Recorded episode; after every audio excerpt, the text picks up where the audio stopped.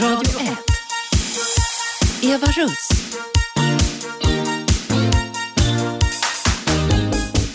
Hej och varmt välkommen till mitt dagliga relationsprogram. Tänk dig att du lever tillsammans med din stora kärlek i livet. Men eran existens tillsammans är extremt hotad på grund av att det finns ingen trygghet runt omkring er. Det är nämligen så att din partner, den partner, den man, kanske den kvinna också som du är djupt förälskad i får lov att gå under jorden, lever under konstant utvisningshot. Hur kan man behålla relationen? Hur kan man vårda den? Hur kan man känna känslor för varandra? Och hur kan man må bra tillsammans när tillvaron runt omkring är gungig och extremt osäker? Det är vad jag ska prata med dig som lyssnar idag och jag ska också prata med Camilla. Hallå Camilla! Ja, hejsan. Hej, välkommen till mitt program. Tack så mycket. Du och jag ska pratas vid här idag om just hur det är att leva tillsammans med en person som är utvisningshotad och som är ens stora kärlek. Ja, Kan, kan du berätta Camilla, eh, hur gammal är du? jag fyller 31 i höst. Du fyller 31 i höst. Och vem är det som du lever med och vem är det som du är kär i och som lever under konstant utvisningshot här i Sverige? Ja, min make då, han kommer ifrån eh, Iran. Mm. Ett land som han har flytt och han har, eh, för att ytterligare ge en bild av honom så har han arabiskt ursprung och tillhör då en minoritet i landet. Mm. Ehm, han kom hit till Sverige 2005 Mm. och vi blev ett par 2008. Ja. Eh, I samband med detta så fick han sitt uh, utvisningsbesked. I, i. I samband med 2008 när ni träffades du och din man? Ja, Mm. och eh, det är ju självklart att det ställer saker och ting på sin spets. Mm. Det gjorde det. Vi, eh, vi gjorde någonstans ett val. Okej, ska vi välja att eh, avsluta vår relation som var så himla bra och allting kändes så rätt Mm. bara för att invänta döden för honom. För det är vad det skulle innebära om när, om när han blir utvisad till Iran. Ehm, med största sannolikhet. Så eh, vi fick göra ett val där. Eh, Ska vi leva? Ska vi leva nu för våra drömmar, för Mm. vår tro, för, vår, för vårt hopp vår kärlek? Eller Mm. ska vi, ska vi ge upp allting? Och Mm. vi valde livet. Ni valde livet. Ja, Och det har ni gjort då i fyra år ja sedan ungefär. dess. Ja. Är ni gifta med varandra Camilla? Ja, vi gifte oss förra året i september. Och det menar du, det, det spelar ingen som helst roll här i Sverige att man är gift, utan då ska din man utvisas i alla fall? Ja, det är så här att eh, Per när han kom, eh, min man när han kom till Sverige så eh, lämnade han in eh, sin ansökan om asyl. Mm. Och man baserar ju då hans eh, eh, ansökan på det han inlämnade när han kom Mm. första gången. Alltså det han skrev då när han kom hit menar du från Iran eller? Ja, det som han berättade Ja. i, i intervjuer och, och de bevis han inlämnat och Mm. så.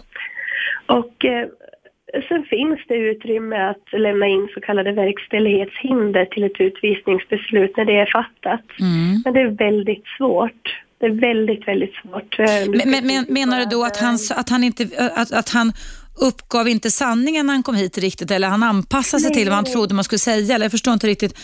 Nej, förlåt. Jag, Nej. eh, eh, det jag menar var att eh, vi då försökte när vi blev ett par, när Ja. vi flyttade ihop, jag blev gravid Mm. och sen vårt barn föddes och så gifte vi oss.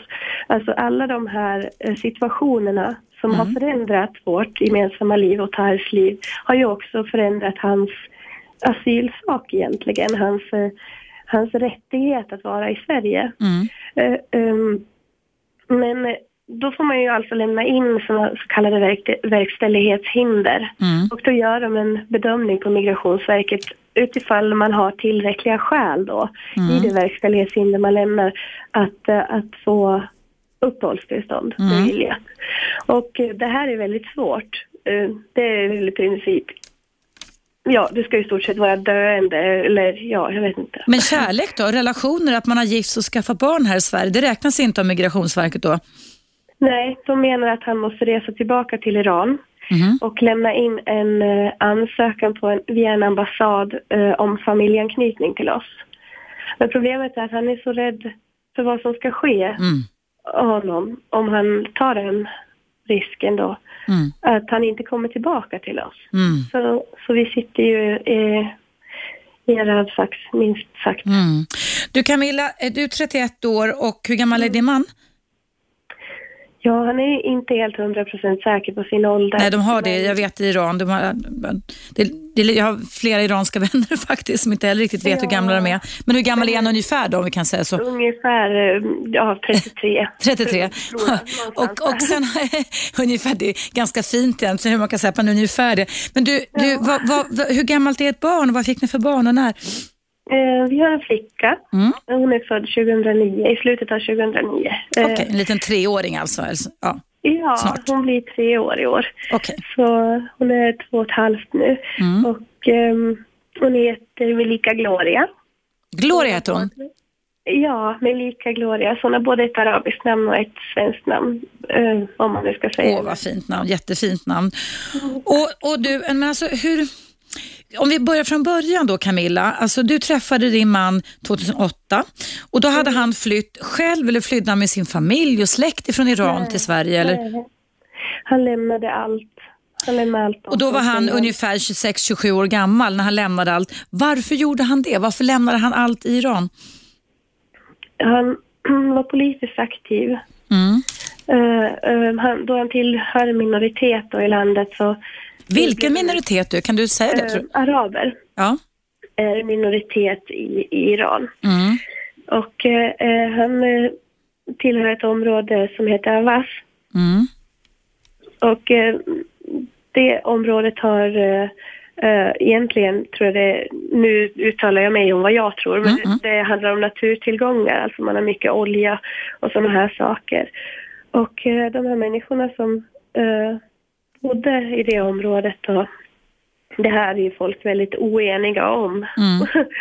Men eh, de försökte alltså att överta det området Mm. för, för eh, att eh, få tillgång till olja och sådana saker. Mm.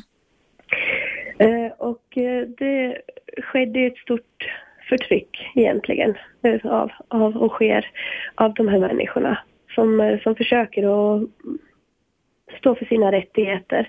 Så din, din, man, din man då, som bodde i den här delen i, i, i Iran, vad gjorde han som gjorde, honom skyld, eller som gjorde att han var tvungen att fly? Vad, vad sysselsatte Mm. han sig med där menar? Ja, att vara politiskt aktiv, många, många tänker ju då att då är man med i, som vi skulle vara med i, Vänsterpartiet eller, eller så. Mm. Eh, Det, det kanske inte blir riktigt samma sak. Alltså, Mm. Man anser att man är politiskt aktiv så fort man har en åsikt som Mm. strider mot regimen. Just det. Mm. Och eh, de här människorna som eh, aktiverar sig då politiskt, det kan ju handla om att man mm, som ung man eh, hjälper till att dela ut flygblad om en demonstration. Mm. Eh, jag vet här senare släkting som nyligen blev torterad till döds här i januari. Han skrev på en vägg att man inte skulle delta i det val som skedde i Iran. Och det räckte för att man skulle bli torterad till döds i Iran. Mm, mm. Så förfärligt. Så förfärligt. Ja, Ja, han delade ut flygblad då. Din Eh, man ja. ja. Ja, om en demonstration som skulle ta plats. Mm. Och eh, han fick en kallelse till domstol för att man hade, ja, kände till hans namn och så eh, var han livrädd helt enkelt. För han hade tidigare också förlorat släktingar som hade samma engagemang ungefär Mm.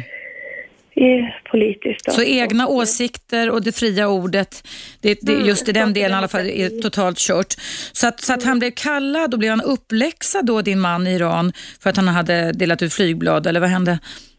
Han, vågade, han vågade ju inte infinna sig där. Han flydde direkt för han förstod ju att det... Okej, så att det, okej, ja. Och hur, hur flydde han ifrån Iran? Ja, han har ju flytt på ett sånt sätt. eh, eh, han har ju en väldigt traumatisk upplevelse. Mm. Det förstår jag. Jag tror att all, nästan alla har det som är med om sånt här. Ja, han talar ju inte direkt om detaljerna sådär, Nej. men jag vet ju att han har tagit sig eh, genom länder med människosmugglare och, och Mm. liksom betalat sitt, för sitt liv så att säga. Mm, mm, Eh, och tagit sig hit. mm.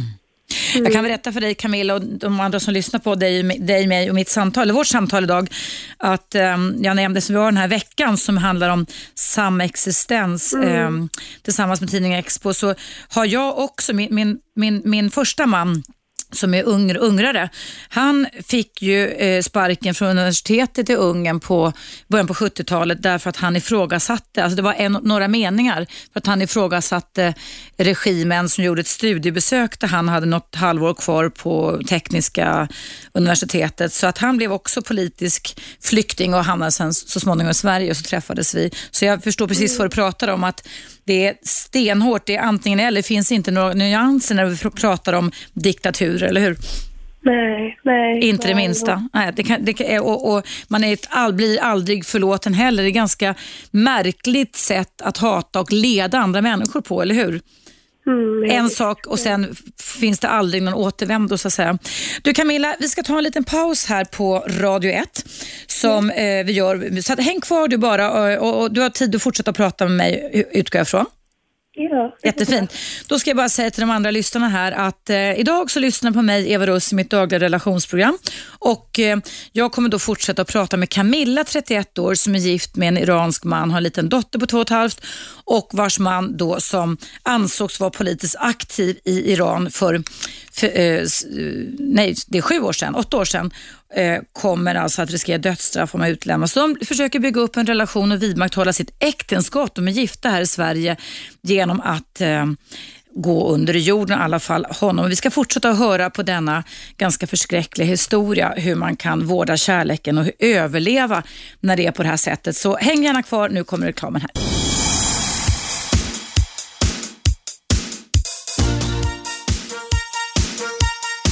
Radio Eva Russ. Varmt välkomna tillbaka till mitt dagliga relationsprogram. Idag så pratar jag med Camilla som är, är, är svensk kvinna på 31 år, gift med en man som kommer ifrån Iran. Hallå Camilla? Ja, hej. Hej, du är kvar där. Bra. Eh, jag ska bara briefa de som är nytillkomna här. För Vi pratar då om under vilka förskräckliga betingelser, levnadsförhållanden och villkor ni lever på idag. Ni är gifta här i Sverige, ni har ett barn tillsammans och ändå så kräver Migrationsverket att din man ska göra en tripp till Iran där han eh, med stor sannolikhet kommer att bli satt i fängelse eller dödad. Det är i alla fall vad ni säger, eller hur? Mm, Ja. ja. Eh, och eh, det finns ingen nåd så att säga ifrån svenska regeringen att räkna med. Är det så Camilla? Det verkar så. Men man ger ju aldrig upp hoppet. Nej. Hur, hur, hur lever ni på dagarna? Alltså hur, hur är det möjligt att leva ett familjeliv när man då, eh, ena parten i relationen eh, inte får vara här så att säga, utan går under konstant utvisningshot till Iran? Ja, det, det är en ganska eh, svår fråga att svara på. Man, man, går, man går liksom in i en, i en bubbla på något vis. Mm. Eh, där man tar varje ögonblick och lever det och försöker ta vara på allting. Mm. Det- För, di- för din man kan, jobbar du Camilla? Nej, jag är sjukskriven Du är sedan sjukskri- ett år tillbaka. Ja. Mm. Och din man kan ju inte heller då jobba eller? Nej, han får inte lov att jobba Han- trots att han har blivit erbjuden arbete. Så han skulle kunna jobba och, och komma ut i arbetslivet igen. Så att hur ser en vardag ut hos er då? Alltså hur, hur, hur, vad gör ni på dagarna? Hur, vad, kan, ni, kan ni överhuvudtaget gå ut tillsammans du, din iranska man? Ja, det kan vi. Det är så här att han är ju papperslös då i Sverige. Mm. Och eh, det finns ju då alternativ. Eh, man kan antingen gömma sig eller så kan man välja att leva öppet som papperslös i Sverige. Mm. Och det är ju väldigt fara i det. Men eh, min man han har eh, så ont och mår så dåligt så han orkar inte mer.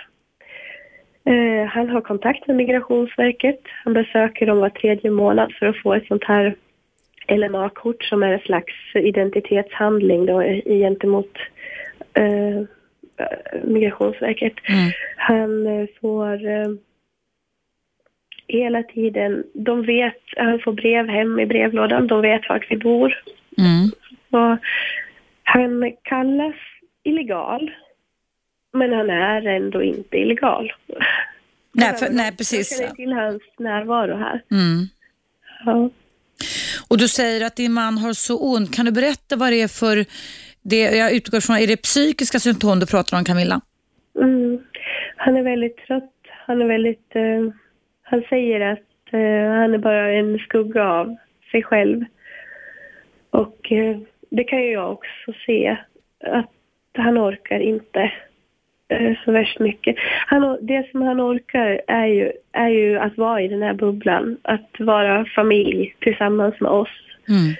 Och eh, vara leka med vår dotter och ta hand om henne och, och försöka göra vanliga saker. Då mår han bra. Mm. Men så snart vi talar om, om hans situation, då mår han jättedåligt. Mm. Så Han, eh, han har på något sätt, eh, så, han har posttraumatiskt stresssyndrom och det finns ju olika sätt att, att hantera det, eller så kroppen hanterar det på olika sätt, eller hur man nu ska säga, själen. Eh, en del människor de har eh, flashbacks, det kommer liksom påminnelser Mm. om det man har gått igenom, om det man har upplevt och man blir störd i sin dag. Han har ett, en, en, ett sätt som liksom på något magiskt vis lyckas förtränga allting. Mm.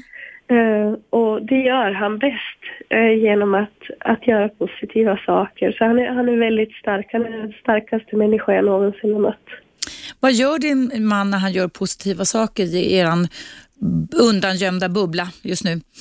Mm, ja, vad, vad gör vi just nu? Vi, vi har bott i lägenhet länge och nu ska vi hyra ett litet hus och vi håller på att fixa lite där och Mm. renovera med små medel. Men det, det är en positiv sak som vi gör just nu. Vi, Mm. vi försöker att vara ute och leka med vår dotter och, och vara en vanlig familj liksom. Mm. Men ett vanligt liv, det är ju ändå positivt. Det är Verkligen. vad vi önskar oss. Mm. Du, eh, ni blev ett par, eh, berättade du Camilla för mig, 2008. Då hade din man som är politisk flykting, eller hur, ifrån Iran, kom varit här i tre år. Hur, hur gick det med det här, att kommunikation är ju viktigt i parrelation, att man förstår varandra. Hur har det gått med språket mellan er? Ja, språket var ju en barriär i början. Uh, Per kunde svenska, men han var inte van att tala det liksom till vardags sådär med, i längre, om man drar det längre än det vardagliga och basala, Mm. så var han inte van med det. Så vi lärde oss på något vis att kommunicera utan ord. Eh, Kropp, kroppsspråket som är världens mest, Ja. mest utbredda språk kan man säga. ja, alltså vi använde ju ord såklart. Mm. Och, och. Kunde han engelska eller?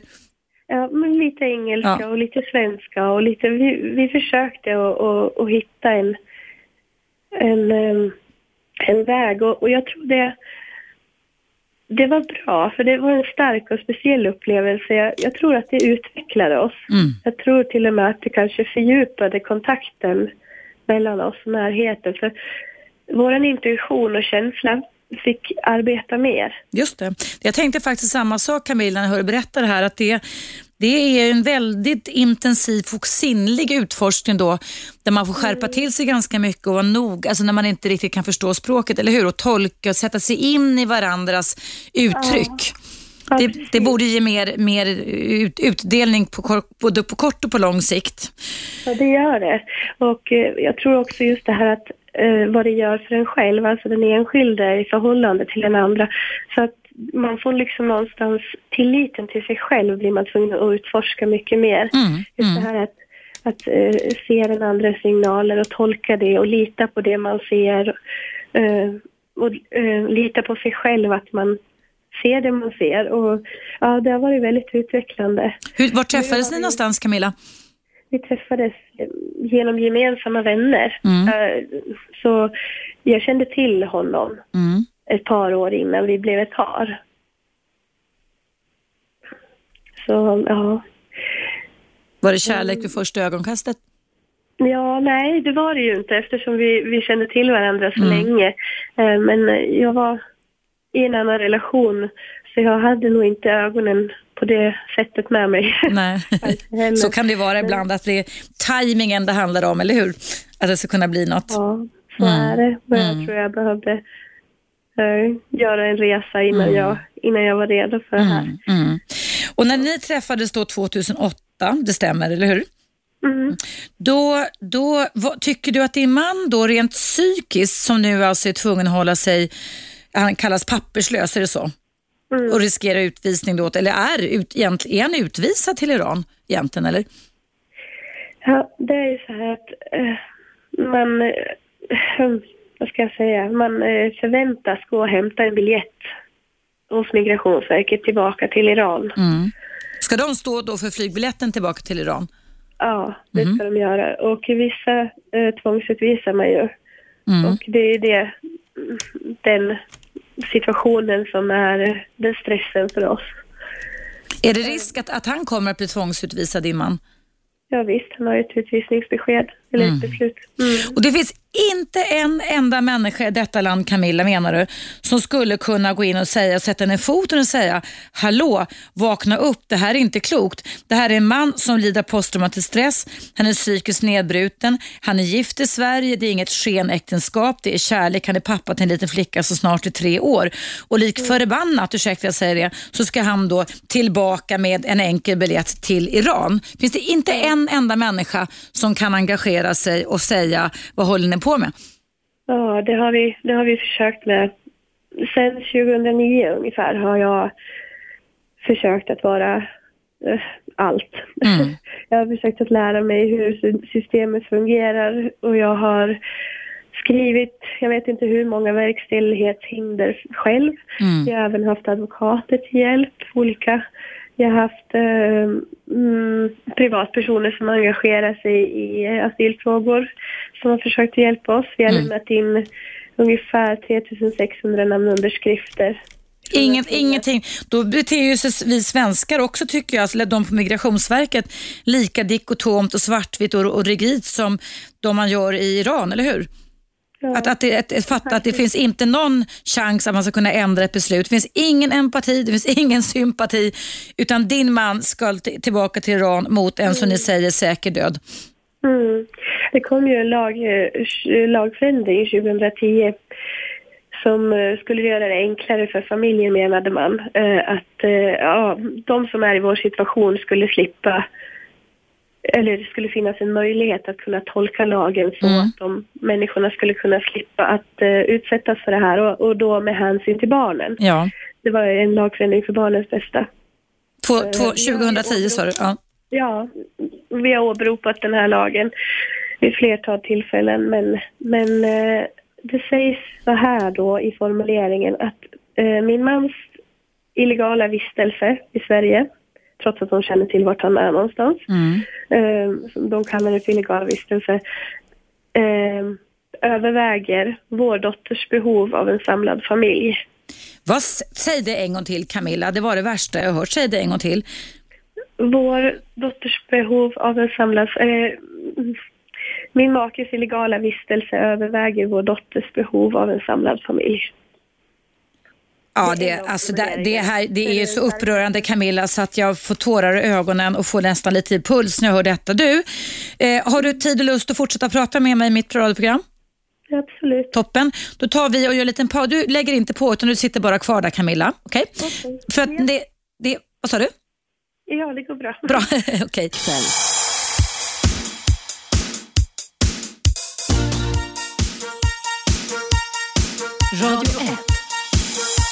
Eva Russ. Ja, mycket välkommen tillbaka till mitt dagliga relationsprogram. Den här veckan har vi en temavecka här på Radio 1, Sveriges nya pratradio och det handlar framförallt om samexistens. Jag har Camilla på tråden. Hallå Camilla. Ja, hallå. Fint att du är kvar. Du är 31 år ung, gift eh, med en iransk man där Migrationsverket eh, och alla andra myndigheter anser att det är bättre att han utvisas eftersom han klassas som illegal vistandes här i Sverige än att man, det är dotter på två och ett halvt har tillgång till sin pappa. Stämmer det?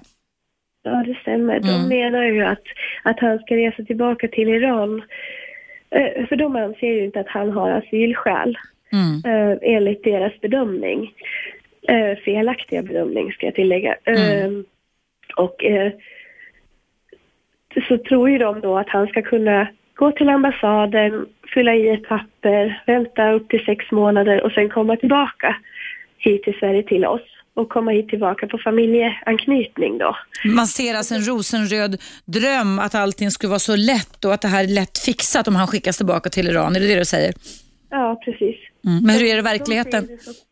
Verkligheten är sån att hans, hans släkting blev torterad till döds för att ha skrivit regimkritiska ord på en vägg. Kan du berätta när, när, det, vänta, när hände detta och vilken släkting var det till din man? Eh, ja, de har eh, alltså avrättat honom i slutet av januari. Eh, I år? det står, ja, det står på nyhetssidor, Human Rights Watch och så, att det var 25 januari. Jag är inte ja, helt hundra på tiden sådär, men det, det står så. Och eh, eh, han blev ut, ut, tagen i, i, till häkte. Så familjen fick inte veta vad som skedde med honom. Och sen har man fått veta att han är död. Hur, hur, hur, hur var han släkt med din man, den här mannen?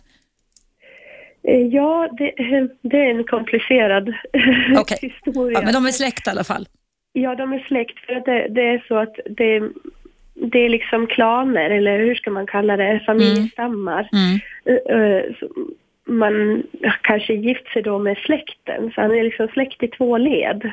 Fast Okej. inte nära då, eh, så nära att det skulle bli några konstigheter. Men, ja. Hur, gammal, hur gammal blev den släktingen? Eh, Han var 19 år. En 19 år, nu ska ta det. En 19-årig ung man som är släkt med dig, då din man, och din man är politisk flykting från Iran, blir avrättad, säger du, 25 januari år för att han hade gjort vad i Iran? Han hade skrivit ord på eh, vägg, en vägg att eh, man inte skulle delta i det val, val som skulle hållas. Det räckte. Han, ja, regimkritiska ord kan man väl säga då. Mm. Eh, han värnade för, om demokrati, precis som min man. Mm. Och det är inte okej. Mm. Och det här skälet då, att detta har då skett alldeles nyligen i Iran och den, denna, som du beskriver hotbild gentemot din man, det är alltså inte att han åker hem på en charterbiljett till Iran och vänder som du säger sex månader, utan det är stor risk eftersom det här har skett redan i år, att även han kommer bli fängslad direkt när han kommer dit och kanske också avrättad. Är det ingen där i Migrationsverkets salong, kanske de lyssnar idag, det vore ju väldigt bra, som har någon hjärta? Som kan känna empati eller sympati eller sätta sig in i att de föreställningar vi har eh, om hur fint det är att åka tillbaka till hemlandet när man lider under dödshot inte stämmer. Ja, man hänvisar ju hela tiden då till att det inte finns något utrymme i lagen. Man hänvisar till lagen. Han har ett gällande utvisningsbeslut och han ska därför återvända. Mm. Det är hela tiden det vi får höra. Och ja, det, Vad jobbigt. omänskligt. Ja, och du, när du, du sa själv Camilla att du är sjukskriven sedan ett år tillbaka. Vad är du sjukskriven för? Utmattningsdepression. Ja, det var det jag tänkte nästan. Jag hoppas att du säger det svaret. Nu ska jag, ska jag inte vara rolig här, men jag vill bara säga det att det är ett ganska klassiskt, jag är ju psykolog och psykoterapeut, eh, det är klassiskt att kroppen reagerar. Det här kallas ju kumulativ stress och traumatisk stress. Ni har hot omkring er, ni lever i en bubbla, ni i, i, kommer liksom ingen vart, ni sitter fast, eller hur? Ja, Och vad ni, vad ni än gör så sitter ni fast. Det är som att ösa ut ur Atlanten med en tesked. Att hur mycket ni än gör så händer ingenting i alla fall. nej, så är det. Tror du att ni kan överleva? Kan relationer med överleva tror du? Alltså, hur tänker ni? På, ni kan ju inte tänka på lång sikt just nu, du, din man och er dotter. Nej, det handlar alltså om ögonblick. Det handlar om sekunder, det handlar om minuter, det handlar om timmar. Eh, vi vet inte vad som sker. Det kan rulla in en polisbil här när som helst. Det kan... Eh, ja, det, så fort jag tänker på det så blir jag ju oerhört Mm. rädd och Mm. ledsen och väldigt stressad. Min, min kropp är ju någonstans i, i ett tillstånd av stress dygnet runt. Mm. Fastän jag försöker aktivt att arbeta med det. Och vi har ju ett stort kontaktnät runt omkring oss. Vi har sam tillgång till samtal och, och sådana saker. Så eh, Har ni vänner också? Din familj här i Sverige eller? Ja, min familj eh, bor i samma by som vi, så Mm. det är bra. Det, det är väldigt skönt att vi kan vända oss till Mm. dem om, om det är så. Och, men vi har ju liksom en, en regel. Vi har bestämt att under dagen, när vår dotter är vaken, när hon är med, då får vi inte tänka på, vi får inte visa, vi får inte låta henne bli drabbad av det här som Sverige utsätter vår familj för. Um, för det är ju så att har man barn och familj och eh, är gift i Sverige så har man alltså rätt att vara här. Det vet alla om. Mm. Det vet Migrationsverket också. Men de är alltså så benhårda på just det att han ska utanför Sverige, eh, till Iran, tillbaka till sitt hemland och sen hit igen. Mm. Det är det som är problemet. Alltså problemet är inte att han, han har ju rättigheten. Men problemet är deras envishet. Eh, och om det är, ja vad det nu är. Rigiditet, di, diktatoriska fasoner tycker jag nästan det låter som, där det finns inget utrymme för empati eller sympati på Migrationsverket.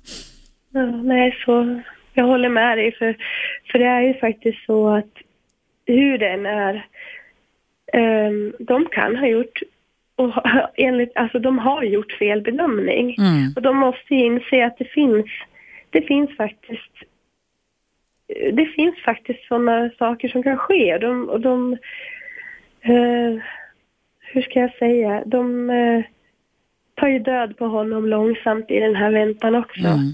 Vad jobbade din eh, iranske man med Camilla?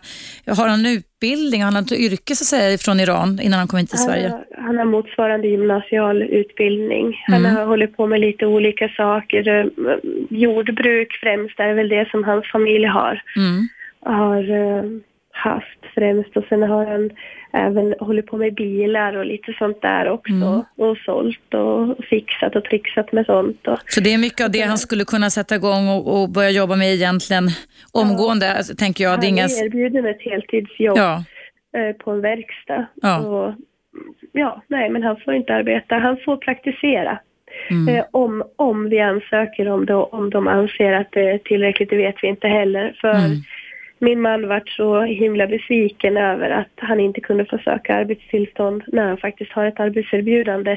Så han ville inte ens ha en praktik. Han vart, han vart så nedslagen, han orkar inte. Vi får se hur det blir framöver. Han kanske hämtar sig från det. Men, Mm. men ja, det är rätt så nyligen som det här har, Mm. har skett. Så det är liksom att bakbinda er, det är nästan så att ni sitter i isoleringscell genom att Migrationsverket i Sverige är så rigitt och oflexibelt och där det är eh, nästan, tycker jag, diktatoriska fasoner där man säger att fatta ett beslut är fatta ett beslut och no matter what, vi kommer aldrig ändra oss. Är det så Camilla? Ja, det, är ju inte vad Finns- man säger rätt, ut, men det är Nej, så det är. jag beskriver, käns- jag beskriver känslorna Ja. bakom det istället. Ja. Att det, det, liksom, De det spelar ingen roll, det spelar ingen roll, spelar ingen roll, utan vi har fattat beslut och vi kommer aldrig ändra oss. Du Camilla, Mm. det är dags för en liten paus här igen. Eh, Du, du har tid att stanna kvar. Ja, Toppen, jättebra.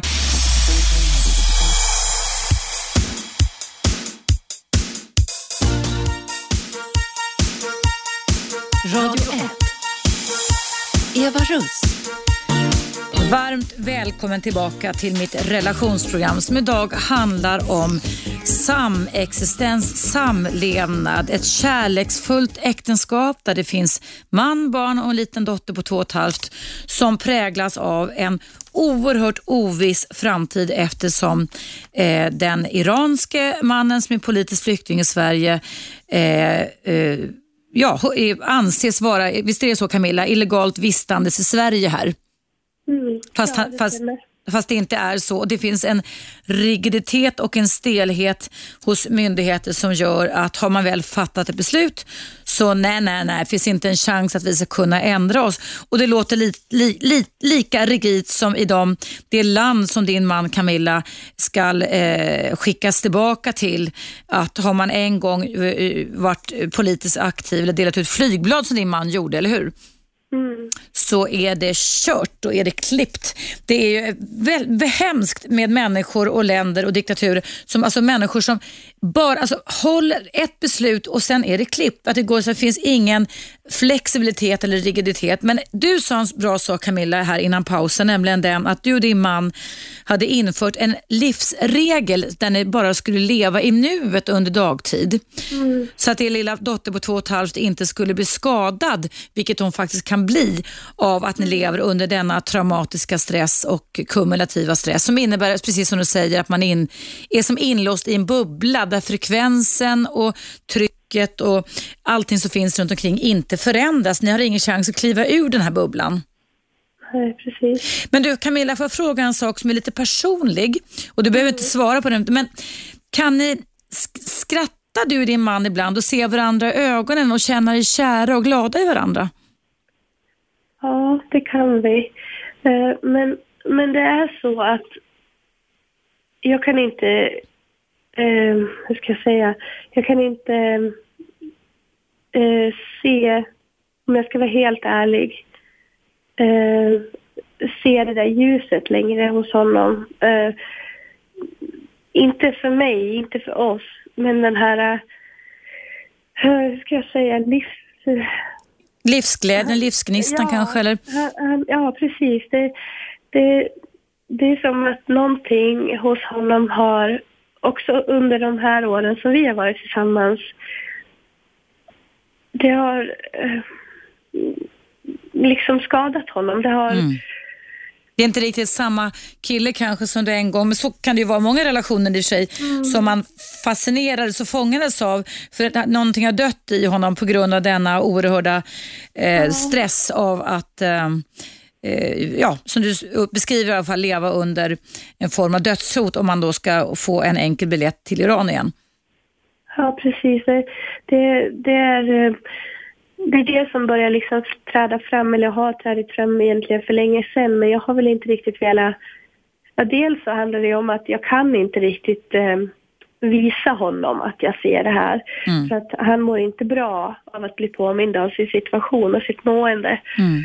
Eh, och sen är det väl så också att man någonstans, eh, jag är en sån här person som försöker eh, peppa och, och liksom, jo men det går bra, vi ska bara försöka, vi försöker med det här. Mm. Men vi går till tidningarna, ja, men vi, vi startar en mailkampanj, vi, vi har en namninsamling, eh, vi, vi försöker på det här viset. Mm. Jag skriver en blogg, liksom.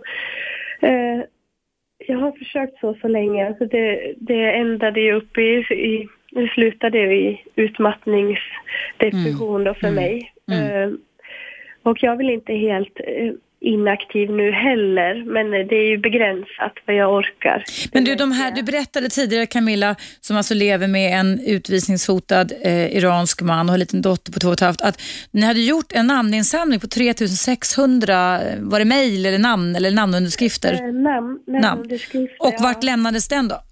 Det lämnades till Migrationsverket i, i, i tillägg till en, en, som en, vi bifogade det med en ansökan. En ansökan om familjeanknytning inom landet. Mm. Och hur möttes, togs den emot då av Migrationsverket? Ja, faktiskt det, det är en, eh, en ganska skrämmande historia. Det bemötandet på det kontoret som vi lämnade in den här ansökan på och även den här namninsamlingsbunten då. Eh, Så sa man till oss att ja men det här är, det hör inte till saken. Namninsamlingen hör inte till saken. Vi kan lika gärna kasta den där. Ja, men vi vill att den ska vara med, sa vi. Vi vill att vi ska titta på det. Vi har 3600 namnunderskrifter. Ja, ja visst, jag kan väl slänga med den. Men det var ju liksom inte att det hade någon betydelse. När de har bestämt sig. Det, är det, här, det är det jag säger, den här rigiditeten och oflexibiliteten. Har man fattat ett beslut på Migrationsverket, som du beskriver det, låter det för mig i alla fall som att finns, det, fattat beslut ligger, liksom, det finns inte en chans att kunna ändra det. Men vet du... Nej, to- det, det står ju väldigt fint i, i liksom om man börjar läsa då, hur Mm. det ska gå till sådär. Att Mm. man ska an, anmäla nya omständigheter och, och, och det ska finnas utrymme för de här sakerna och man ska kunna värdera det. Och värdera det, det gör de. Men de skickar i stort sett samma formulering till svar. Man skulle vilja veta lite, Camilla, vad det är för typ av personlighetscasting man har till människor som håller... Jag har jobbat en gång i tiden med casting till dokusåpor och då skulle man ju ha människor som uppenbarligen inte beter sig så som på Migrationsverket i alla fall, utan Nej, som kan släppa loss och vara flexibla istället. Men du, det här är ju ett förskräckligt... Vad sa du? Vad sa du? Nej, jag skulle aldrig kunna jobba där. Jag skulle inte ens kunna Nej. kaffe åt dem. Nej. Jag, jag skulle må så dåligt av att stödja det, ja.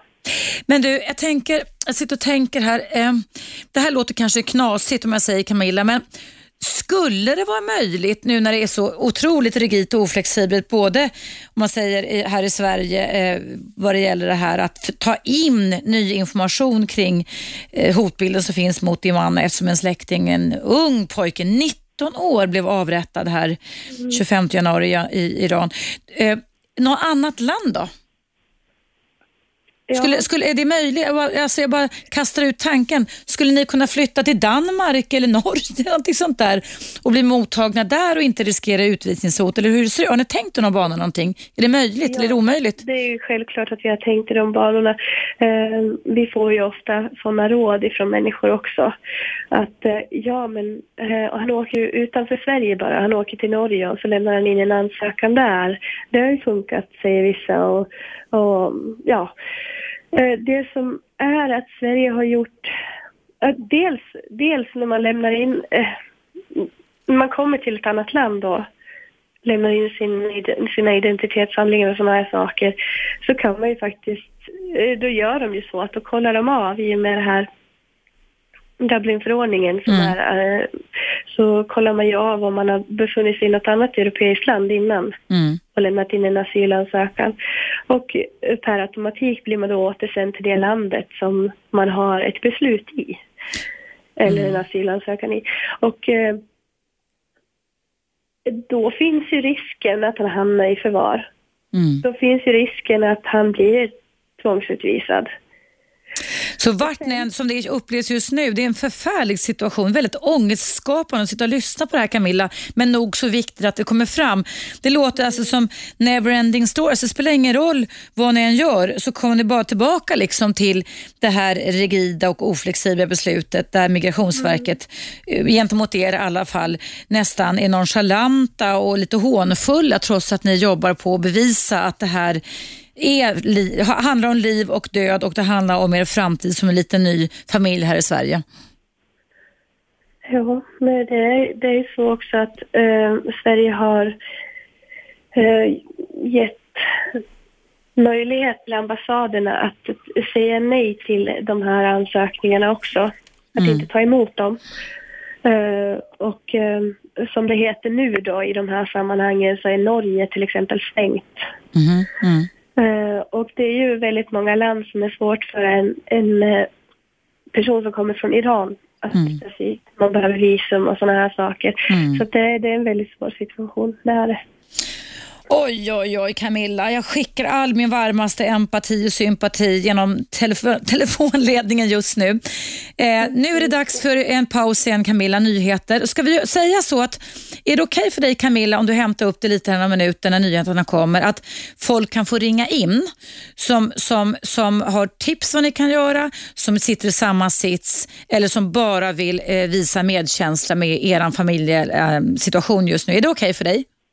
Ja, jag ska Bra. försöka bemöta det. Gör det. Ta och drick lite vatten en tre, fyra minuter sådär. Så kommer vi strax tillbaka till Camilla då efter pausen. Och då, då kan du som lyssnar börja ringa på 0200 11 12 13 0200 11 12 13. Du kan givetvis också mejla till mig och Camilla som är min gäst idag. Och mejladressen är eva radio1 snabelaggmail.com. Eh, och vi pratar alltså om den gordiska knuten, alltså Camilla 31 år som är gift med en iransk man som eh, ansågs vara politiskt aktiv i Iran när han delade ut flygblad vars släkting eh, på 19 år blev mördad här i eller avrättad i januari och som, eh, där det liksom finns ingen utgång, inget sätt att lösa den här situationen där de eh, inget hellre vill än att samexistera i Sverige. Ut och jobba arbetslivet, ta hand om lilla dottern och man vet inte, kanske skaffa fler barn.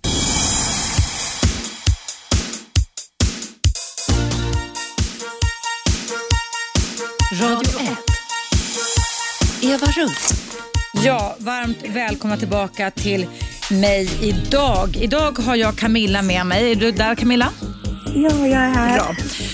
Du har ju berättat här väldigt ingående, känslosamt och starkt om, och detaljrikt skulle jag vilja säga, om vilket kan man väl säga helvete du och din iranske man sitter i just nu. Där det just hittills i alla fall verkar som att vad ni än gör så spelar det liksom ingen roll för Migrationsverket att ta hänsyn till er nya familjesituation, att ni är gifta och har en liten dotter på två och ett halvt år.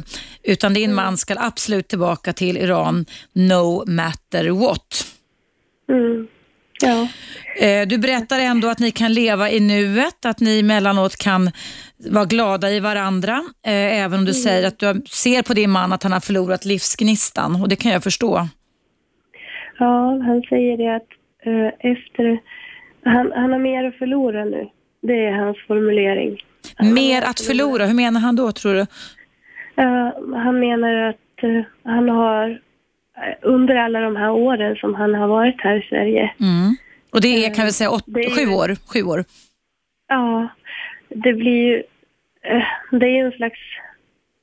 Det är inte humant det heller att man ska få sitta så länge på en plats och inte veta hur ens liv ska bli. Det tog ju tre år innan han fick sitt eh, lagakraftvunna utvisningsbeslut. Då. Mm. Eh, livet går ju. Man kan ju inte bara sitta på en, på en pall och leva av ingenting och, och inte hoppas och inte drömma och inte längta Mm. och inte Mm. leva Mm. överhuvudtaget under den tiden. Så han, han känner väl att han har, han har ju ett liv här. Han har ju sin familj här och han har ju, ja, han kan språket, allting, alla de här sakerna som, som eh, han är väldigt öppen. Han tar in, tar Mm. in eh, det som är, eh, vad ska man säga då? Och han vill vara här. Jag vet inte hur jag ska uttrycka mig. Sitter han och lyssnar på oss nu, din man Camilla? Nej, det gör han inte. Han, han har som sagt väldigt, väldigt svårt med att påminnas om sin situation. Mm. Och vi fick ju förfrågan om att medverka i programmet eh, redan innan veckan började. Ja, Och eh, då fick han också ta ställning till om han själv ville medverka. okej, om Och man det or- orkade eller han. inte. Ja. Ja. Och det gör han inte. Nej. Nej. Du Camilla, nu ser jag att det blinkar här. Ska vi höra vem det är som är på tråden? Eh, är det okej för dig? Det är okej. Ja, då ska vi se här. Hallå, välkommen till Eva Russ. Vem är där? Hallå, välkommen till Eva Russ. Nej, men... Nej, då försvann de igen. Det är så här Camilla emellanåt med den här växeln, att det blinkar som bara den och sen försvinner de. Men i alla fall, vad du sa då, det var att din man eh, har avbytt. Men du får jag fråga en sak. Han kommer ifrån den, en vad sa du, arabisk del i Iran. Ja. Ja. Har han kontakt med sin släkt på något sätt där? Ja, det är lite si och så. Alltså, ehm, de försöker att ha kontakt eh, via telefon och Skype och så här. Men Iran eh, är ju väldigt hårt kontrollerat land när man ja, lyssnar på samtal och sådana här saker. Och ehm, ibland så är linjerna stängda och man kan inte få kontakt. Um, uttalas det någonting som liknar regimkritiskt i ett samtal, då bryts kontakten mellan de här människorna Mhm. och man kan inte ringa tillbaka. Eh, eh, det är nog... Men om ni bara ska prata, har, har han mamma och pappa och sånt kvar där nere eller i Iran? Han, han har haft en, en väldigt svår väg hela vägen. Hans eh, pappa dog när han var sex månader gammal. Så hans mamma har uppfostrat och sex barn ensam. Eh, och hans mamma lever, men hon är... Ja, och, ja, hon har inte riktigt hälsan sådär så... så Har du Ja, träffat henne någon gång Camilla? nej, det har jag inte. Nej. Nej. Nej, det, är- det är väldigt svårt. Vi, Och är det- är det-. Är din man den enda av de här syskonen då som har, om man säger så, flytt ifrån Iran? Ja, han har en bror. Han har en bror som är i Tyskland Mm. också. Mm. Mm. Har du träffat den brodern då? Nej, nej, jag har Nej. inte träffat hans familj. Vi kan ju inte eh, resa eh, utanför Sverige. Nej. Ja, jag kan ju det, men... Ehm, det, jag har ju pratat med dem också via Skype och Ja, så här. ja. Och det, ja, det har jag gjort. På Du- telefon. nu ska vi se på telefonen här vem som ringer. Hallå, vem är där? Hallå? Hallå, vem är där? Hallå, det var Martin Argus. Hejsan Martin, välkommen till mitt program. Du pratar med mig och även Camilla som du kanske har hört i radion nu. Absolut, jag lyssnar varje dag. Ja, vad vill du? Jag, Säg. jag, jag har funderat lite på den här problematiken som oftast eh, lyfts upp i, i både riksdagsdebatt och i media och så det här med integration och eh, framförallt utifrån eh, islamhat och islamofobi och, och å andra sidan att det finns faktiskt problem just med, med muslimska värderingar och då måste jag börja med att fråga om, om Camillas man är ut, praktiserande muslim. Han är ju född muslim, men han är inte praktiserande. När han eh, var sk- regimkritiker kritiker så då var Precis. han i ledningen och, och även det islamska fundamental, fundamentalismen i Iran då eller?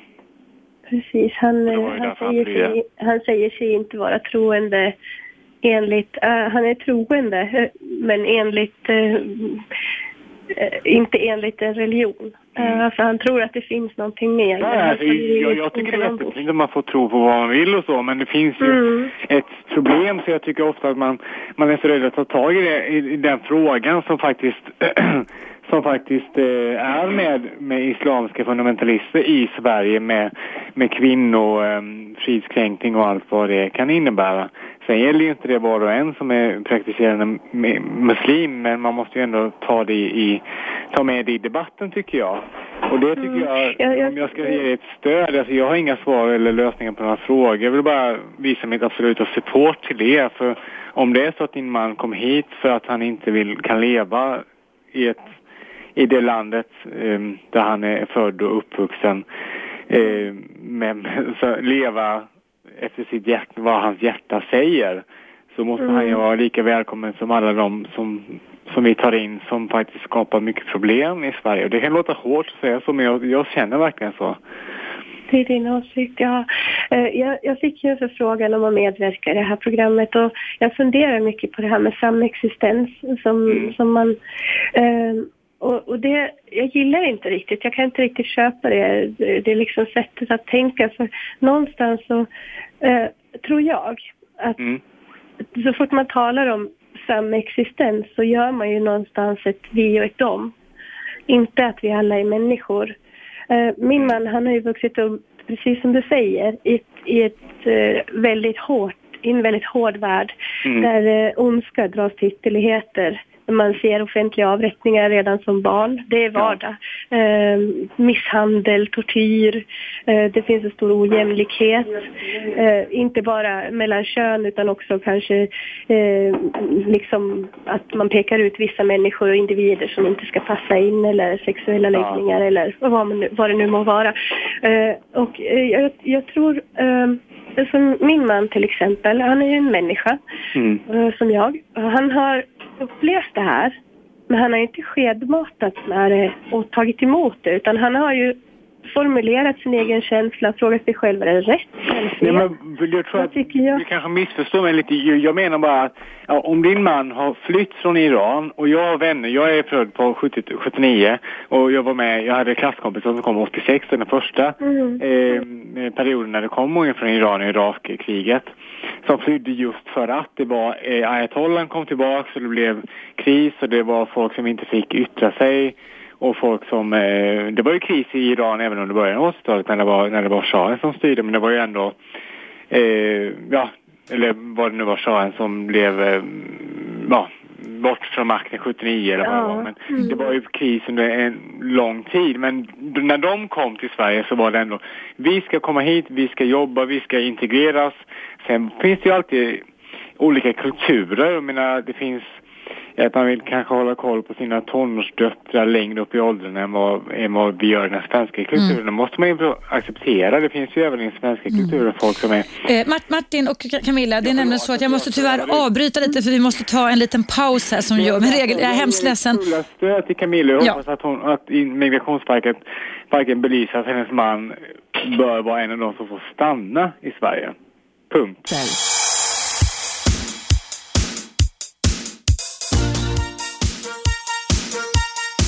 Radio 1. Eva Russ. Välkommen tillbaka till Radio 1. Eh, vi har ju en temavecka här i samarbete med Expo som pratar om alltså antirasism, positiv antirasism men också om samexistens. Och av den anledningen i mitt relationsprogram så har jag med mig Camilla, 31 år. Hej Camilla! Mm som, som har vänligheten att vara med mig ända fram till klockan 12. Jag ska bara berätta Camilla för nytillkomna lyssnare att jag ska göra en recap som det heter säger jag fel så får du lägga dig i vad jag säger. Men du blev kär för fyra år sedan i, i en iransk man som ansågs vara, ha varit politiskt aktiv i Iran. Han delade ut flygblad och eh, han kom hit till Sverige, ni blev kära varandra, ni är gifta, en liten flicka som fyller tre år i, i höst eller vinter. Eh, I vinter, ja. Och mm. ni har gjort allt vad ni kan för att kunna få ett permanent kan man säga uppehållstillstånd för din man här i Sverige. Mm.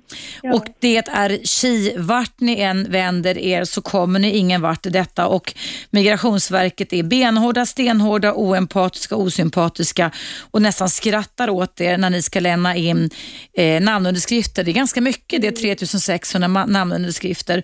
Under tiden som det är så här så bryts både du och din man ner din man lider posttraumatiskt stresssyndrom, det vet i alla fall jag var det. Jag har jobbat mycket med sånt. Och du har en utmattnings eller utbrändhetsdepression. Mm. Och Det är precis som att ösa Atlanten med en tesked och tro att man ska kunna tömma den, eller hur? Man kan aldrig göra det. Nej, nej det känns ju så. Ja. Eh, vi har ju också försökt, det ska jag också nämna, att eh, föra en sån här mailkampanj.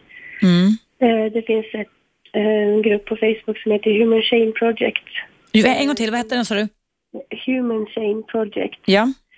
Um, och um, en kvinna där som heter Anette Meijer som har startat upp en sida och försökt att, att föra vår sak och inspirera människor till att, till att hjälpa oss. Mm. Och då har vi haft exempelbrev som man har kunnat mejla Migrationsverket och Tobias Billström är sekreterare och, och så här. Mm. Um, men vi har fått uh, jag vet inte hur många mejl som har skickats men man sände från Migrationsverkets sida kopior hem till oss någon gång då och då så här under den här tiden som det här pågick eh, med en stämpel på att de hade mottagit det men att de inte beviljar, beviljar Nej, de har bestämt sig, no matter what. Det låter ju faktiskt mm. som så. Ja.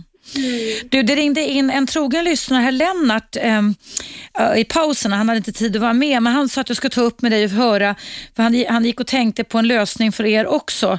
Och, och det här att flytta till något annat land. Och då sa han, har ni undersökt Kanada eller Australien då?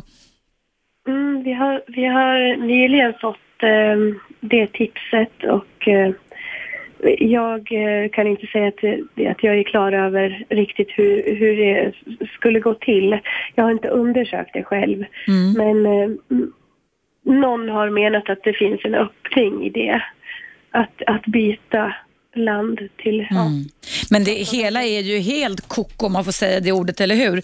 Att här har ni ja. ett, ett, ett, ett, ett, äkta, äkta kärlek, ni är exklusiva för varandra, ni är gifta här i Sverige, ni har en liten flicka på två och ett halvt och mm. eh, eh, det, då ska ni eventuellt, om det skulle vara så Camilla, vara tvungna att emigrera tillsammans till ett tredje land bara för att de här stelbenta byråkraterna har bestämt sig för en sak och har bestämt sig för att mm. vara hjärtlösa och empatilösa på Migrationsverket. Mm. Man blir jätteupprörd. Jag blir väldigt tagen av er historia Camilla. Mm, tack, tack för dina ord och tack för att du för att du känner in det. Verkligen. Jag, jag sitter här med tårar i ögonen. Jag, jag har en god inlevelseförmåga ska du veta och det hade jag även innan jag blev psykolog och psykoterapeut. Men det här, mm.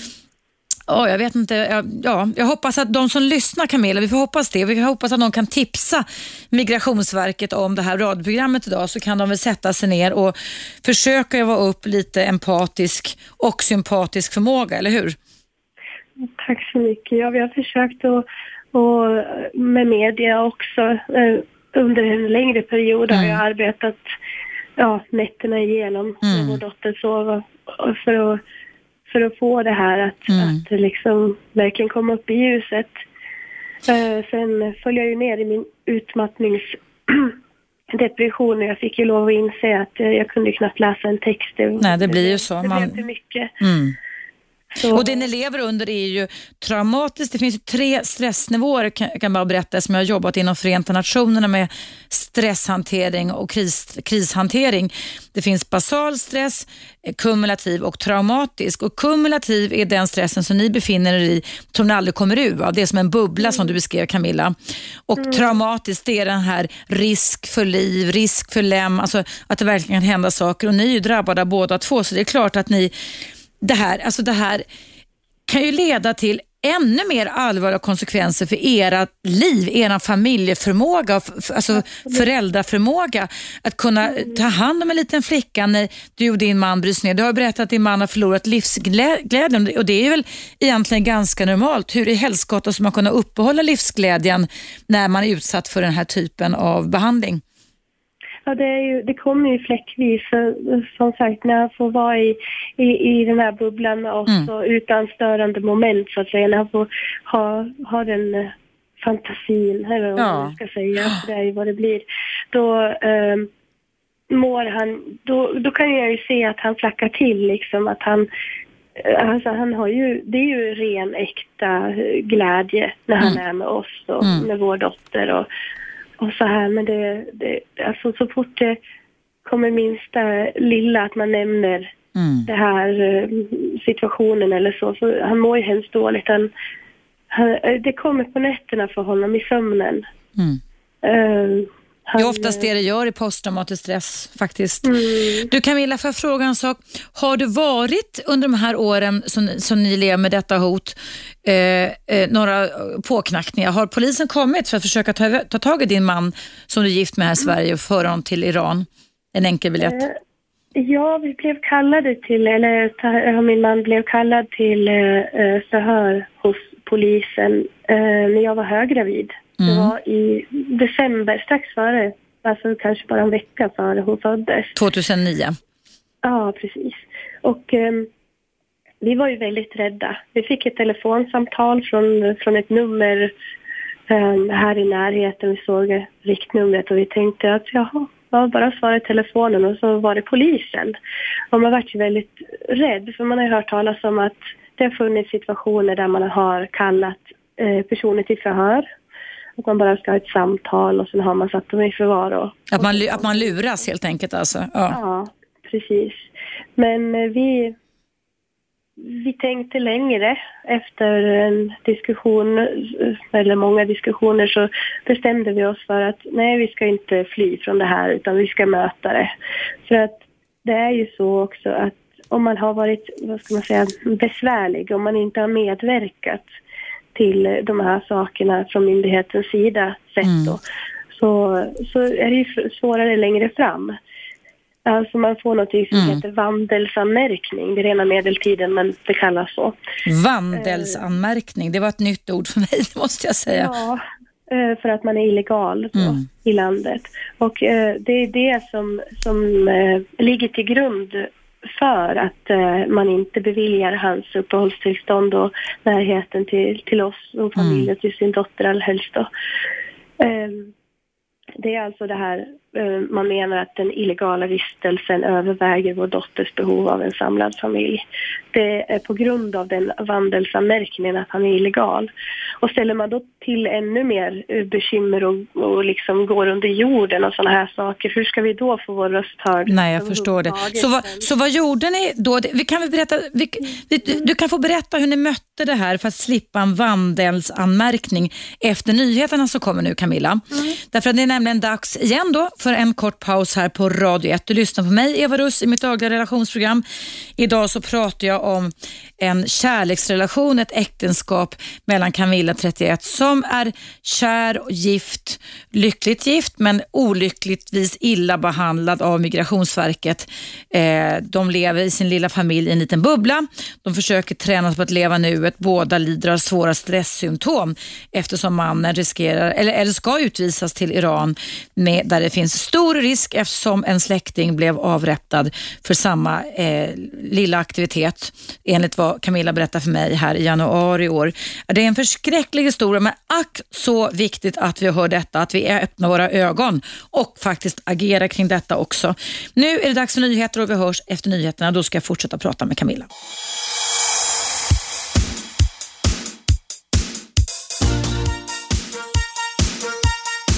Radio 1.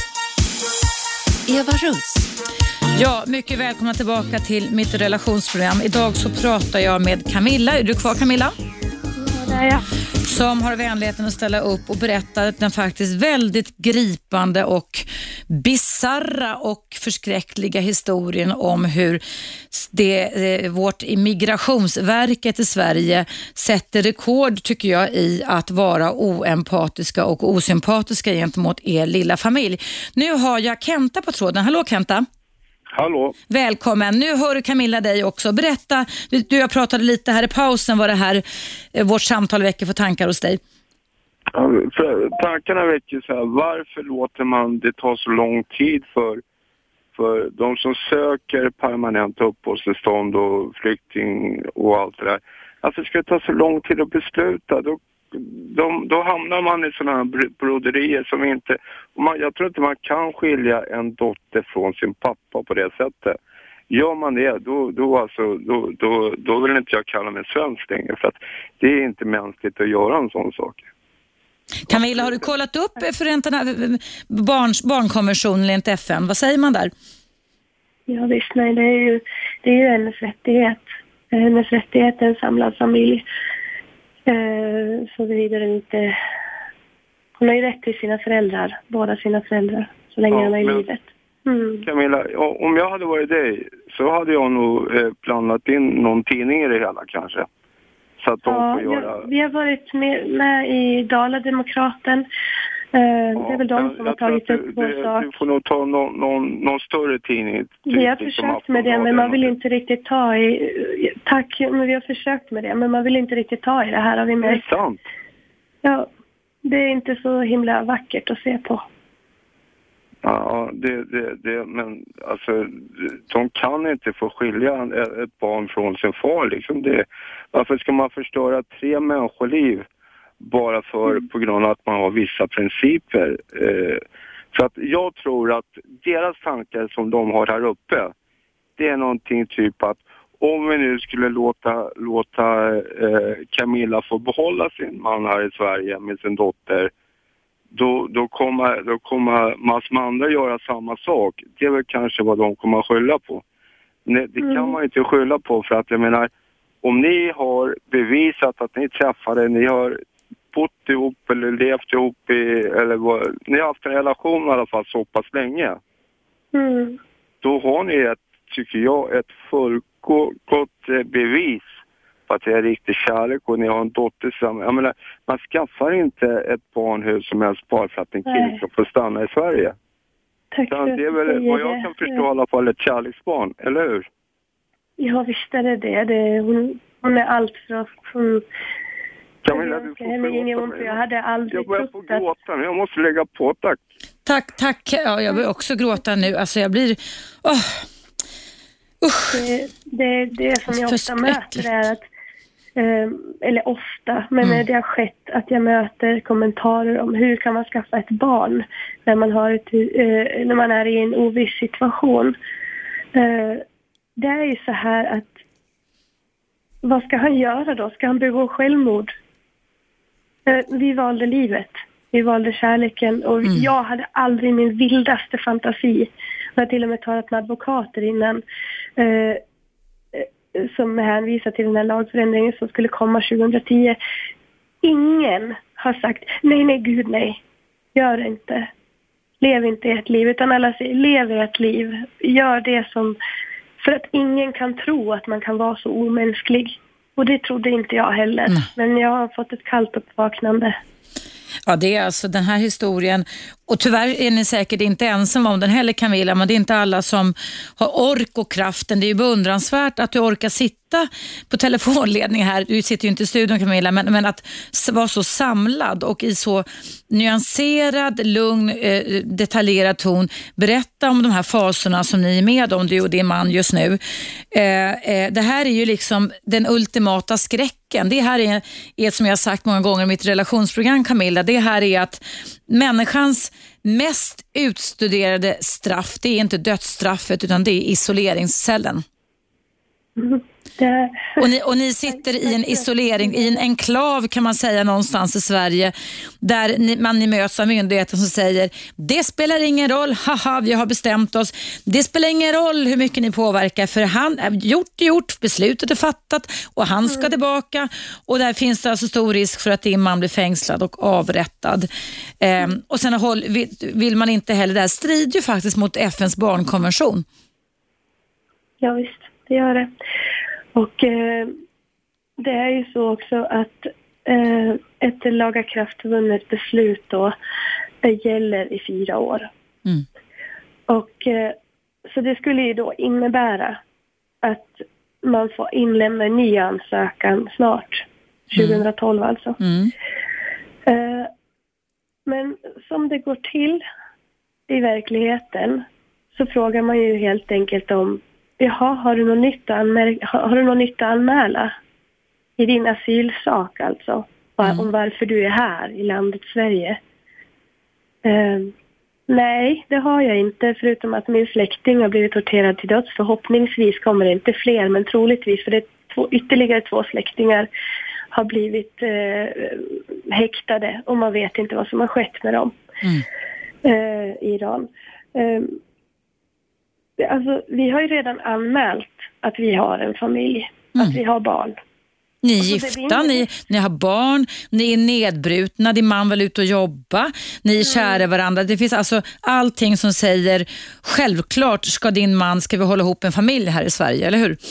Ja, visst så är det ju. Men, men det som man alltså kommer att söka från Migrationsverkets sida, det är alltså en ny ytterligare eh, bevisning eller ytterligare skäl till varför man är i Sverige. Inte eh, vad har skett när du var i Sverige, utan vad, vad har skett med din sak från början. Så att risken är väldigt stor att det blir ett beslut på fyra nya år. Och att det eh, fortsätter i oändlighet. Finns det inga människor där, känner du till det Camilla, som ser det orimliga? Eller så sitter man alltså och med skygglappar på då, så som du beskriver det på Migrationsverket och säger nej, beslutet är fattat, då ska vi hålla fast vid det, spelar ingen roll, spelar ingen roll, det, vi ska hålla fast vid det här beslutet. Och alltså, kan, man, kan det vara så absurt, tänker jag Camilla, så att, så att man kan hålla eran lilla familj här som i en, en, en enklav, en isoleringscell, år efter år, så att eran dotter som är två och ett halvt nu ska alltså kunna bli fem år, tio år och din man och du ännu mer nedbrutna därför att man ska, man, det, inte tillkommer några nya uppgifter angående er existens. Ja, precis. Och eh, den existensen som, som är en verkligt eh, livsavgörande och basala och liksom det som förutsättningen för liv, det är ju, det är ju den som är nu. Det är den som är här. Livet pågår just nu Ja, och, och ja. här, skulle vi kunna haft en, både en mamma och en pappa, alltså du och din man, som skulle kunna få en chans till rehabilitering, slappna Mm. av, bidra till med BNP här i Sverige, alltså ut och jobba båda två. Ja. Men nu sitter Mm. ni istället isolerade, svårt nedbrutna eh, och ska Mm. ändå fungera, vilket ni gör tycker jag på ett bra sätt. Det här att leva i nuet tyckte jag var en väldigt bra, bra sätt. Det, det brukar man säga inom min värld, terapivärlden också Camilla, det här att man ibland får, när allting är ett helvete runt omkring, så får man ändå försöka ta en paus i alltihopa och bara vara i nuet. Va? Inte tänka framåt, inte tänka bakåt. Jag hade en jätte, jättebra terapeut i, eh, hon är psykolog men Mm. hon arbetar med KBT och så, Mm. som, eh, som lärde oss att göra eh, liksom scheman för våran dag och, och, och tänka vi hade redan formulerat den här regeln. Det gjorde vi från början. Ja. Vi bestämde oss för att vi skulle leva tillsammans. Men, men det, det var väldigt nyttigt att gå igenom den där terapin som vi fick både gemensamt och var och en för sig. Eh, för eh, just det här att ta tillvara på ögonblicken. Alltså, det finns en aspekt i det här utöver om man säger det här jordiska och samhälleliga. Eh, att det blir eh, någonting, någonting högre. Alltså vad som sker med mig personligen och vad som sker med honom personligen. Någonstans så har ju vi utvecklat egenskaper som man i normala fall, för att generalisera då, inte gör Mm. eh, i första hand. Alla kan ju komma dit, men man, man, man liksom pressas till att lära sig de här sakerna. Mm. Och det, det är fruktansvärt att man ska göra för det ska ju vara ett val naturligtvis. Men någonstans i det här så får man försöka tänka positivt att man har utvecklats så att man har Mm. lärt sig eh, meningen med livet eh, blir någon den, den blir verkligen vad det är att Mm. leva. Eh, Det är inte, man eh, fokuserar väldigt lite på kringliggande saker utan man fokuserar på liv och kärlek och Mm. godhet och omtanke och värme och Ja. Du Camilla, ja, alltså, jag är imponerad över din klokhet, det måste jag faktiskt säga. Jag är djupt imponerad. Och Vi har en liten stund kvar Camilla, men nu är det återigen dags att jag måste avbryta och säga att vi ska ha en liten eh, paus ifrån våra sponsorer. Du lyssnar alltså på mig, Eva Rust, med min gäst Camilla, som eh, beskriver vilket helvete hon och hennes lilla familj går igenom på grund av att hennes man en gång eh, år 2005 flydde ifrån Iran efter att ha blivit anklagad för att vara politiskt aktiv och där de ständigt sitter som i en enklav, en isoleringscell och där Migrationsverket säger nej, vi kommer aldrig att ändra oss.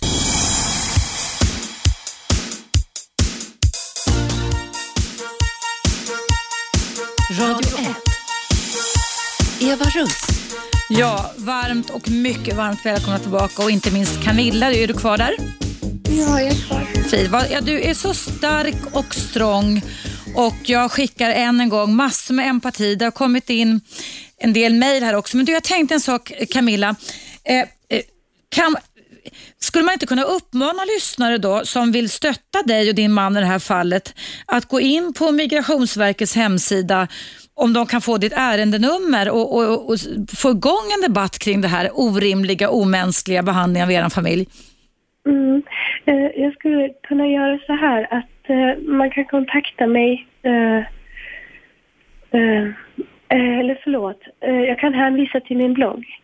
Ja, vad heter bloggen då Camilla? Hjärtat, eller hjärtat, bakom siffrorna, .blogg.se. H-J-E, hjärtat. HJ, hjärtat, eh, H-J-A-R-T-A-T. Jaha, hjärtat. Okej, hjärtat bakom, Bakom. siffrorna. Snabel A. Nej, det är ingen snabel vad dum jag är. .blogg.se. .blogg.se. Då, hjärtat bakom siffrorna .blogg.se. Nu fick jag till det rätt. Ja, hjärtat bakom siffrorna. .blogg.se, ja. Ja. Det är så är det. Ja, ja, ja. Ja, eller. Så om, om man går in där nu, det här programmet går i repris också klockan 22 ikväll och det går ju att lyssna på det när som helst på webben eller på Radio 1 Play. Så att om man skri, kan man då skriva till- din blogg och sen kan man få ärendenumret där om man vill pressa på Migrationsverket. Allting finns att finna där. Ah, eh, Vi har exempelbrev, vi har allting som eh, från det här samarbetet med Human Chain Project, den här kvinnan, Mm. så har jag även publicerat där alla våra artiklar som de få som vi Bra. har fått då i media. Ja, Och, bra. Då, då får jag uppmana faktiskt. Eh, jag brukar inte göra det här programmet men jag tycker att det kan vara bra att läsa. Jag ska läsa din blogg när jag kommer hem. Men du, jag ska läsa upp några mejl här. Stöttande mejl Camilla som har kommit in här. Det är ett ifrån Håkan. Det står så här. Hej! I Sverige har vi något som kallas för anhöriginvandring där ensamkommandes familj har möjlighet att komma hit. Då kan man fråga sig hur det kommer sig att hennes man, hennes dotters far inte får vara kvar utropstecken. Visst älskar vi Sverige när byråkrater inte orkar ändra ett beslut på grund av lite extra pappersarbete. Ja, det var det ena. Eh, sen står det så här ifrån Bo. Hejsan! Ett kriterie för att få anställning som handläggare eller jurist på Migrationsverket tycks vara att man har sin politiska hemvist hos SD. Fy fan för människor som inte har några sympatier och empati för människor som har och har haft det svårt i livet men som samtidigt vill göra rätt för sig när de kommer hit! Utropstecken. Så fortsätter Bo så här. Bara den grejen att åka tillbaka till det land man förmodligen är efterlyst i och tro att man då kan söka asyl därifrån och sen att komma tillbaka till sin familj här levande. Vilken naivitet. Fy fan för människohat i alla former. Hälsningar Bo. Tack så mycket. Ja, vi får verkligen säga tack. Och ni, ja, vi, vi, det kanske kommer att komma in fler mejl här, Camilla, efter programmet är slut, eh, eftersom man då kan mejla till mig, evaradio1 Mm. Du, jag tänkte ställa en avslutande fråga, Camilla. här. Ni, ni, sitter ju som en isoleringscell i en liten enklav och ni verkar vara kloka människor och, tar hand om er, er lilla dotter. Kan man Törs ni ens drömma om framtiden? Törs ni rikta fram tankarna någon gång mot ett annat typ av liv än det livet ni sitter fast i just nu? Precis, ja.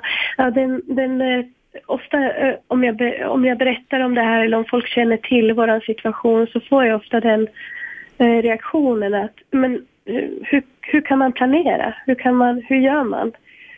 Och det gör man inte. Mm. Man kan inte det. Det är klart att det finns en distanserad dröm om att vi men den är ju, den är ju verkligen en, alltså den har moln, såna här fina som barn ritar.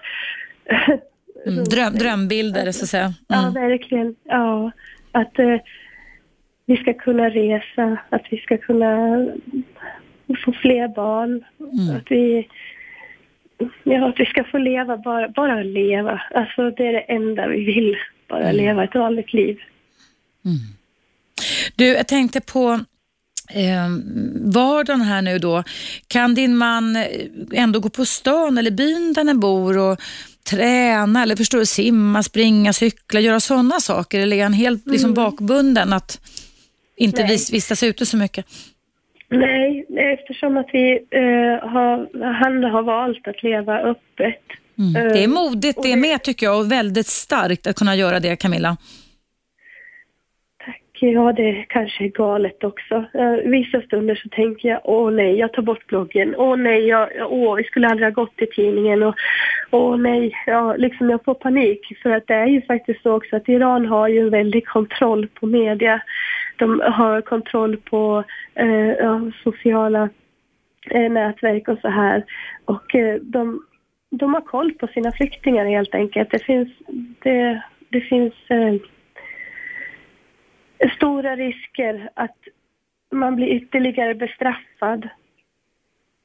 Uh, dels bara för att man har flytt från landet. Mm.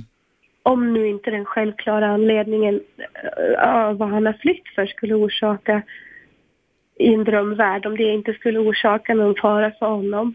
Mm. Så, så, så blir det ännu värre. Alltså, någonstans så gräver vi hålet djupare samtidigt som att det är en förutsättning för hopp.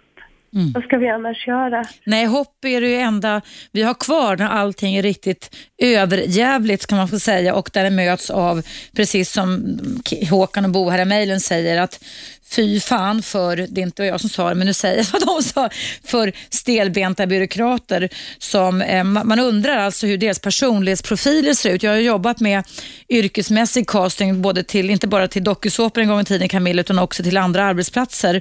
Och man undrar ju då i sådana fall hur Migrationsverkets personprofiler ser ut, vad det är för typ av människor man har. Du Camilla, det börjar lida mot sitt slut nu. Hur känns det att ha varit med två timmar här i mitt program? Hur känns det just nu för dig tycker du? Det, det känns bra men det känns som jag har så mycket mer att berätta. Ja, vi kan jag säkert... Jag kunna berätta om, eh, snabbt bara om, om polisens ord då när vi, när vi medverkade i, ja. det här, i det här förhöret. Ja. Bara för att det understryker ännu mer hur... Ja, berätta. Vad sa, vad sa poliserna? Polisen är ju alltså eh, Sveriges verkställare. Ja. Eh, fattas ett beslut så verkställer det polisen det. Det gör mm. inte Migrationsverket utan det är polisen som gör det. Så ärendet är hos polisen. Och polisen berättar för oss i förhöret, vi var livrädda men vi gick dit i alla fall. Mm. jag trodde jag skulle ha en förlossning på polisstationen men... Du var höggravid då alltså? Ja. ja, vad, vad sa de då? Eh, de sa alltså att man inte kan, de hade några namn på en lista, eh, av människor som tillhörde minoriteter Mm. från Iran. Och det här var ju då alltså. Ja. Det gällde då. Ja. Nu vet jag inte hur de resonerar för vi har inte blivit kallade igen. Vad sa de då Camilla? Eh, Då sa de det att eh, vi kan inte, som läget ser ut just nu, avvisa dig till Iran.